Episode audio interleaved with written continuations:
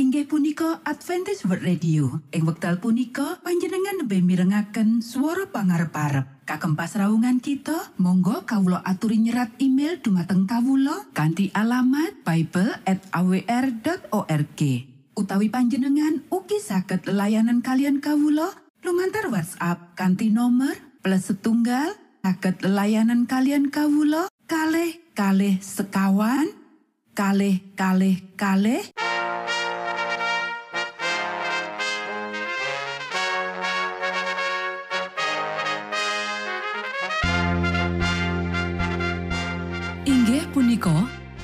Adventist World Radio ingkang giaran kanti basa Jawi.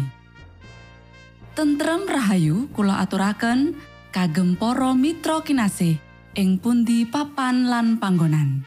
Sugeng pepanggian malih kalian Adventist World Radio.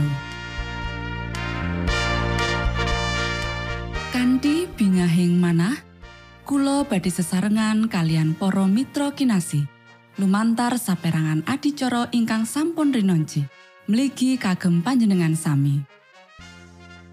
Mugi giaran punika saged migunani tuwin dados berkah kagem kita sedaya. Sugeng midhangetaken Gusti amberkahi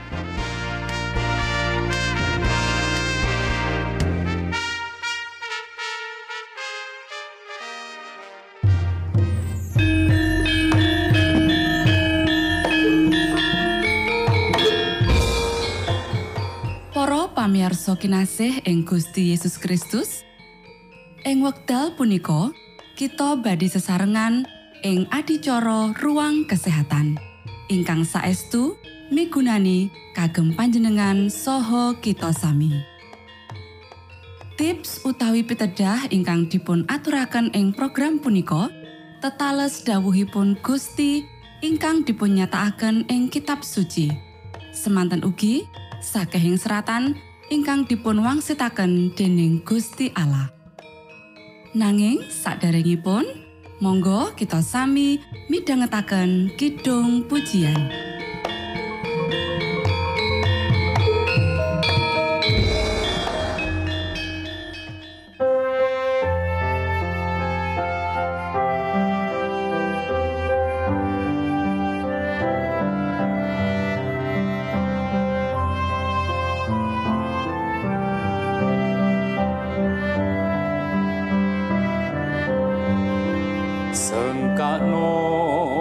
Gusti pranyata tumrap kang wis meh mati lan tumrap kang ngelak samyo kapringan tirta sakti. Manah kang asor lan suci Gusti mirsa lan nampi kang samyo wuta ing driya antuk pandulu mukti. Sengkakno asmeng pamarto ing ajenging projalmi. Sinupre mratobat samyo dados wargane Gusti. Sengkakno Gusti pranyata juru wilujeng jalmi mreh Gusti kapinanggih tumrap ingkang matosi kata tiang sekeng sami ngupati mreh basuki. Kanging uni nulak sami marek mring Gusti sengkakno asmeng pamarto ing ajenging projalmi sinupre mratobat samyo dados wargane Gusti. Sengkakno lan winartano putreng Allah kang suci Gusti panebus manungso tan wonten kang ngandingi sampun rujatu sojalmi dekorban nyokang ati. Saoso puji gustinyo juru wilujeng jati.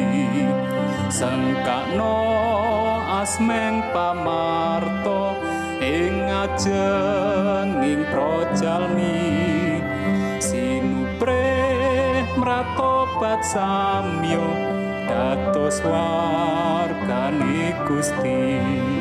Sengkakno lan winartano putreng Allah kang suci Gusti panebus manungso tan wonten kang ngandini sampun rujatu sojalmi dikurban kang ati saoso puji gustinyo juru wilujeng jati. Sengkakno asmeng pamarto ing ajenging projalmi sinupre mratobat samyo dados wargane Gusti.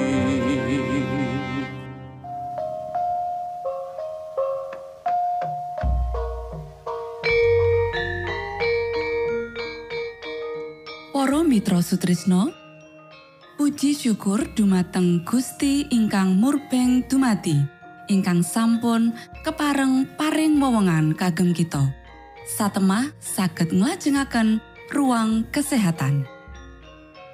Pirembakan kita semangke kanthi irah-irahan. Prabedan sing gedhe sakjroning babagan panganan perangan kapindo.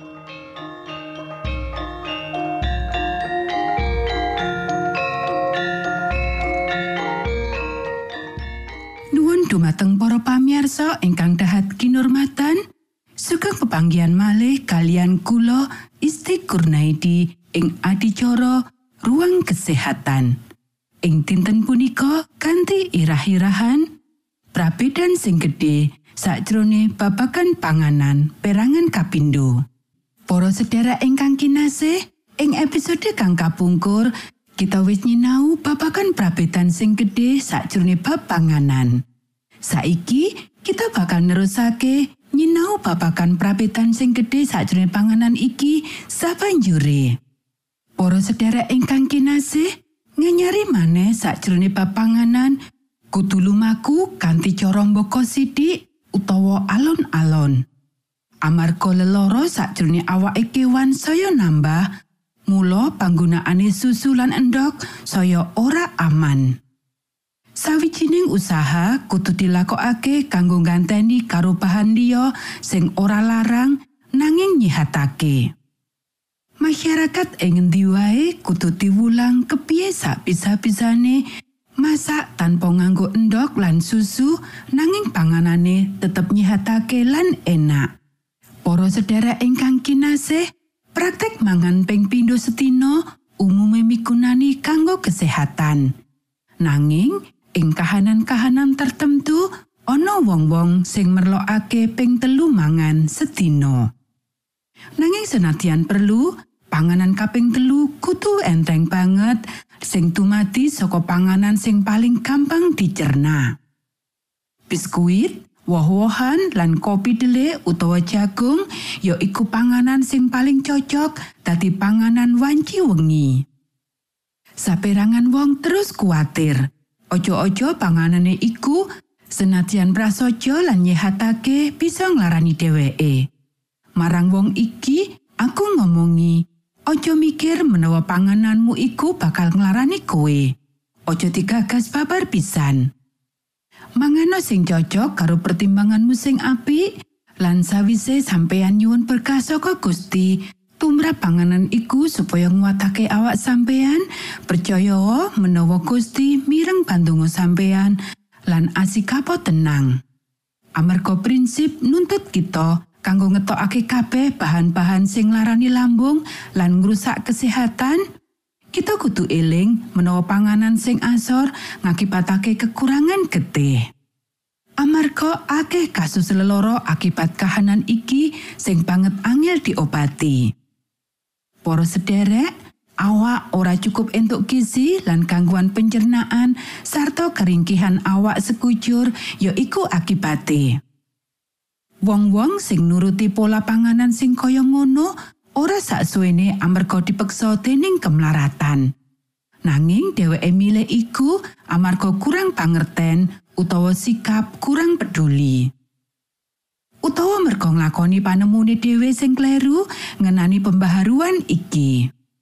Gembira kowe lemah menawa rajamu sawijining wong sing tutu asale saka kaum pangarep lan pamimpin-pemimpinmu mangan ing wektune sakjroning kaprakosan dudu sakjroning kamabukan Para sederek Gusti Allah ora diluhurake menawa awak diliruake utawa disalahgunakake lan kanthi mengkono ora pantes kanggo pelatosane kanggo ngopeni awak kanthi nyediakake panganan sing disenengi lan nguatake iku salah sijine tugas utamane ibu rumah tangga.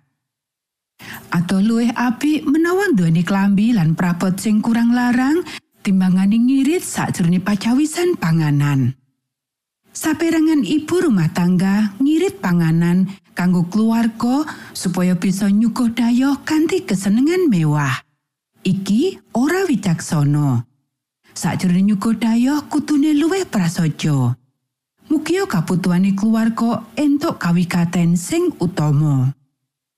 Pangiritan sing ora wicaksana lan pakulinan munafik asring ngepalangi keramat tamahan ing ngendi diperlokake kanggo nekakake berkah. Para sederek, pacawisan panganan kaya pakulinane ing meja nedha kudu diatur sak bisa-bisane supaya dayoh-dayoh sing ora diarep-arep bisa disambut tanpa ngepot-epoti sing duwe omah kanggo gawe panganan tambahan. Matur nuwun, Gusti amberkahi.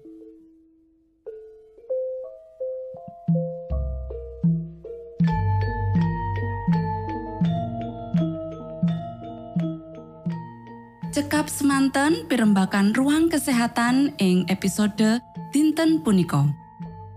Ugi sampun kuatos jalaran kita badhe pinanggih malih ing episode sak lajengipun.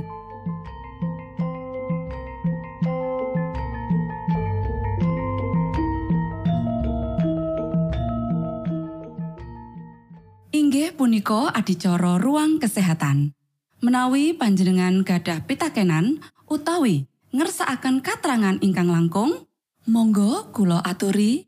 Kinton email dateng alamat ejcawr@ gmail.com utawi lumantar WhatsApp kanti nomor 025 pitu 00 songo songo papat 00 pitu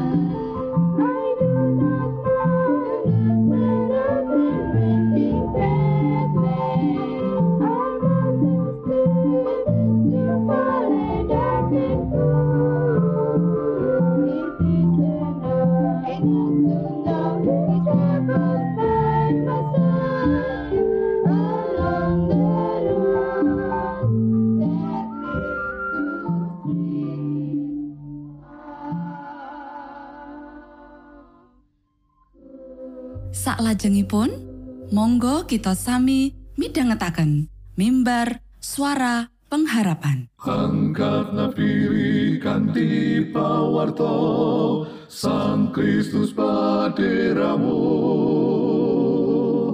Pro umat samyo puji asmanyo Sang Kristus paderamu Inggih punika mimbar suara pengharapan. Ing episode punika kanthi irah-irahan Umating Allah minangka saluran misi. sugeng minangka tondo Sang Kristus paderamu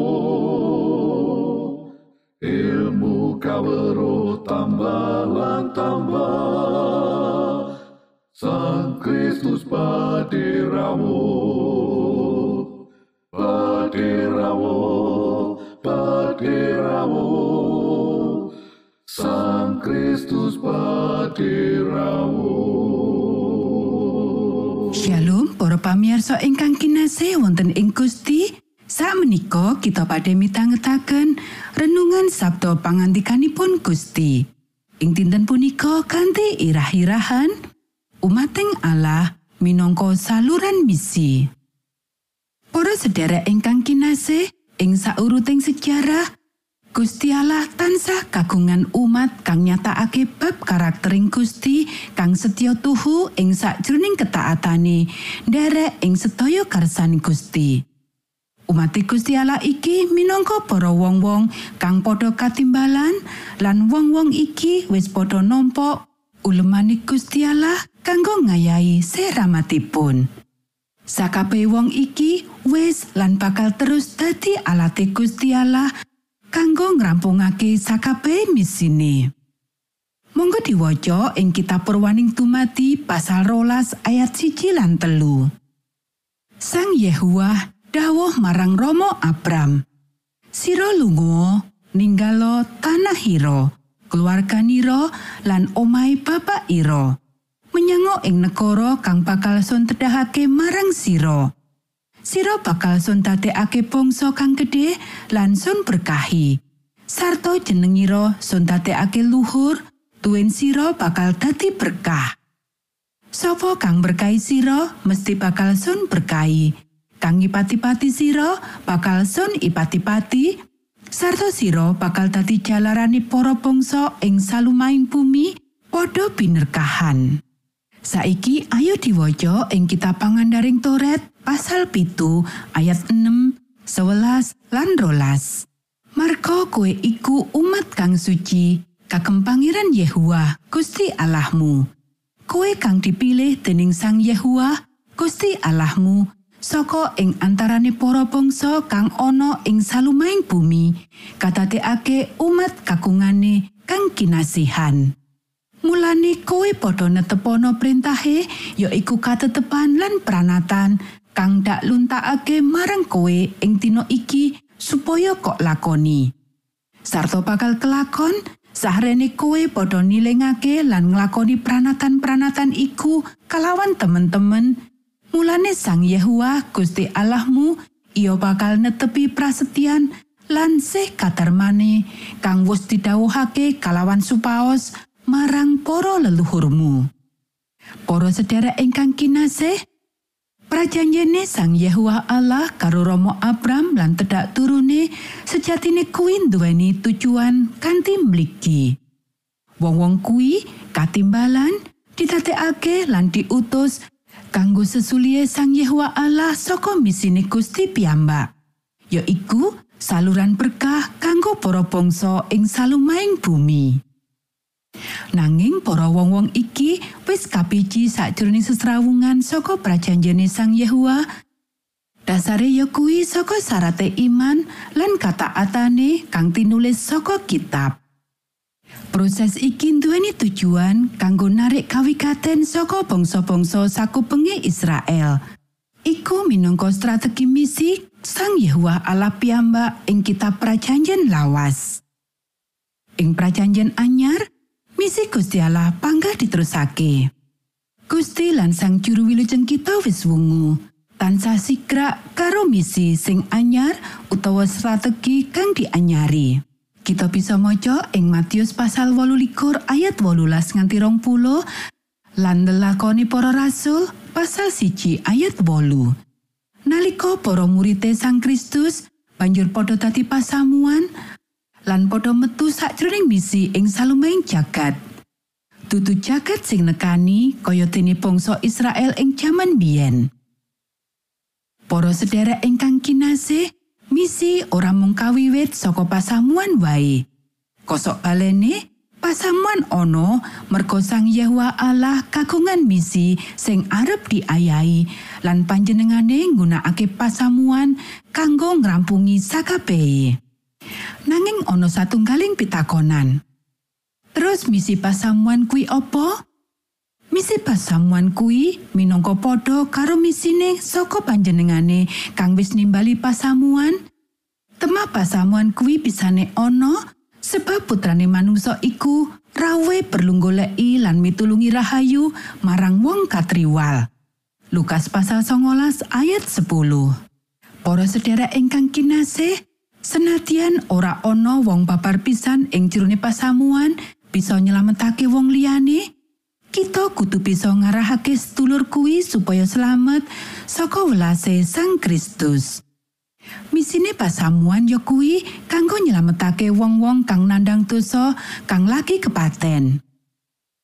Misi iki kang tujuane kanggo ngertakake sih rahmate Gusti Allah menggahing manungsa lan paring katentreman marang manungsa liyan marang Sang Kristus saka kaampuhane sih katresnan. Satemene siji wewengan kang pinunjul lan tanggung jawab kang pinunjul. Monggo kita sami ndedonga. Duh Rama kawula ingkang wonten ing swarga, asma patuko mugi kasucikaken. Kraton patuko mugi rawuh, karsa patuko mugi kalampahan wonten ing bumi kados dene wonten ing swarga. Kawula mugi kaparingan rejeki kawula sak cekapipun ing dinten punika. Saha patuko mugi ngapunten kalepatan kawula kados dene kawula inggih ngapunteni tetiang ingkang kalepatan dhateng kawula. Punapa dene kawula mugi sampun ngantos katantukaken dhateng ing panggoda nanging mugi sami patuko uwalaken saking piawon. Awit dene patuko ingkang kagungan kraton saha wisesa tuwin kamulyan salami laminipun. Amin.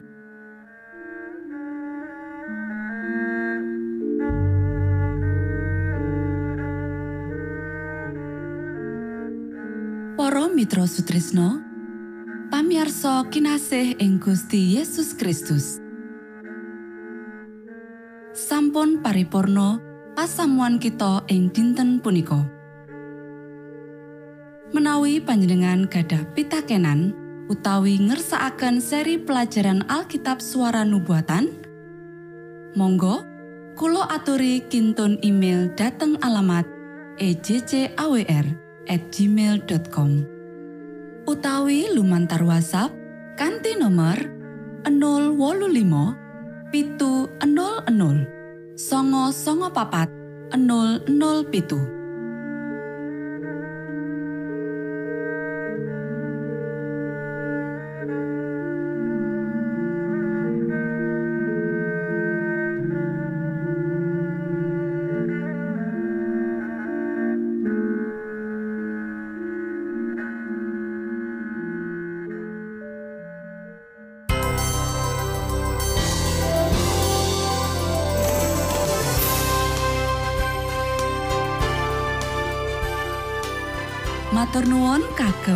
kagem wektalipun kita badhe pinanggih malih ing gelombang ugi wekdal ingkang sami. Saking studio kula ngaturaken tentrem rahayu. Gusti amberkahi kita sedaya. Maranata.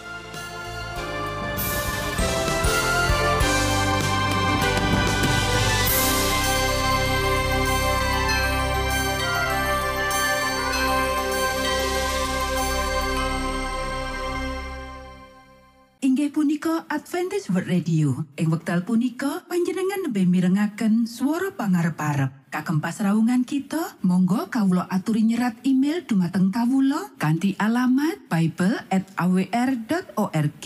Utawi panjenengan ugi saged layanan kalian kawula lumantar WhatsApp kanthi nomor plus setunggal saged layanan kalian kawula kalih kalih sekawan kalih kalih kalih